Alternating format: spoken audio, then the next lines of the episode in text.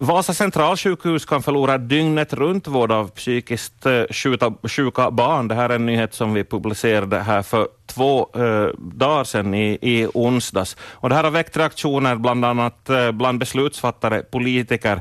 Det här är väldigt, en väldigt dålig idé och bryter också mot en del konventioner.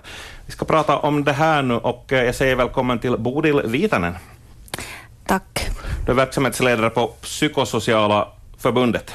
Det stämmer, ja. Mm. Mm. Hördu, hur har du och hur har ni reagerat på den här eh, nyheten att det finns sådana här planer?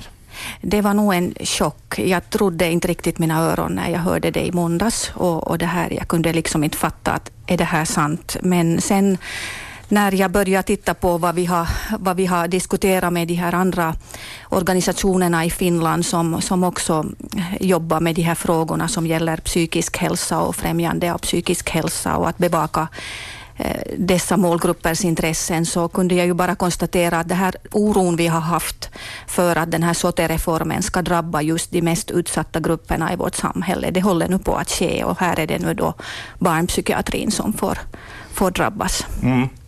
Eh, den här barnpsykiatriska polikliniken eh, vid, vid sjukhuset, hur, hur flitig användning är det? Jag menar, hur många klienter ja, det har, de? det har ju varit fullsatt och de har ju till och med haft på, på extraplats eh, barn som har behövt, behövt det här, de här tjänsterna. Så att behovet finns. Man ser att det finns ett behov för, att, för den här servicen och de här tjänsterna. Så det är ju också ofattbart att man då liksom planerar att, att, det här, att, att att dra in det här och, och flytta det till universitetssjukhus. Och sen om man tänker då på jämlikhet och tillgänglighet av de här tjänsterna, då när man börjar med hela den här reformen så skulle, talar man ju så varmt om att, att de här tjänsterna ska finnas nära till människan och, och, och så att, att man ska liksom se till att i hela landet finns, finns den service och de tjänster som människor behöver i särskilt utsatta situationer. Så nu liksom är det ju liksom åt andra hållet man styr här. Och det som oroar mig är ju här också, som jag inte alls förstår, är att då vi talar om barn, så då finns det ju Finland, det är så att Finland har, har två konventioner som man måste följa. Man har gått med att man har bestämt att man följer barnens, eh, barnkonventionen som den kallas, FNs konvention för barns rättigheter och FNs konvention för personer med, med, med psykiska funktionsnedsättningar och andra funktionsnedsättningar, alltså funktionshinderkonventionen.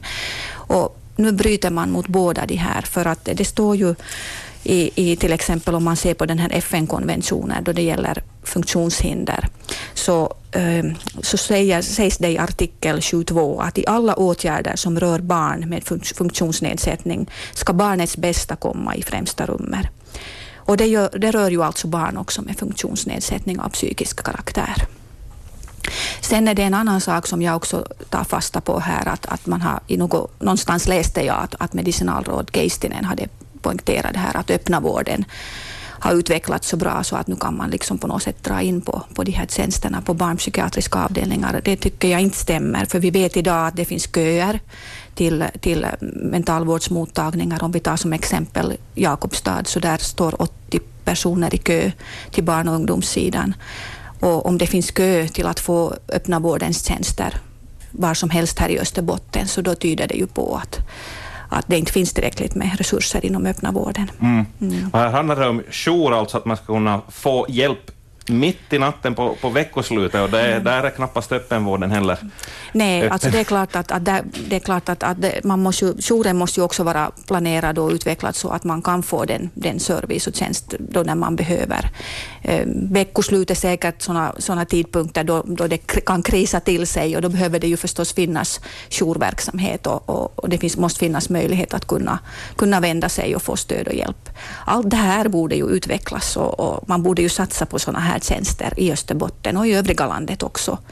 Eh, det är ju inte bara i Vasa man nu, nu, nu planerar det här. Det är, till exempel i Karleby har man ju också planer på att dra in åtta, åtta platser, barnpsykiatriska platser. Så det här är liksom en, en sak som berör berör hela landet på något sätt. Men här i Vasa är det ju speciellt sårbart med tanke på den svenskspråkiga befolkningen och att eh, om man nu tänker då universitetssjukhus, Helsingfors, Åbo, Tammerfors, hur, hur ska man garantera att barn får får, får då den vård och familjerna får det stöd på sitt modersmål som de behöver få. Och det här, så att här, här, liksom, här håller man nog på att liksom göra, göra ett mycket dåligt beslut. Mm. Ja, hur ser du på det här att, att barnen, barnen är väl den svagaste gruppen i samhället och desto sjuka barn eller mm. barn med ohälsa? Mm, ja, så är det. Barn med funktionsnedsättning. Det, mm. det, är vår skyldighet i Finland att se till att dessa barn som har någon typ av funktionsnedsättning eller ohälsa eller problem, behov av service, att det garanteras. Och att det garanteras jämlikt för alla, mm. oberoende av, av bakgrund till exempel språktillhörighet jo. eller kulturtillhörighet eller så vidare.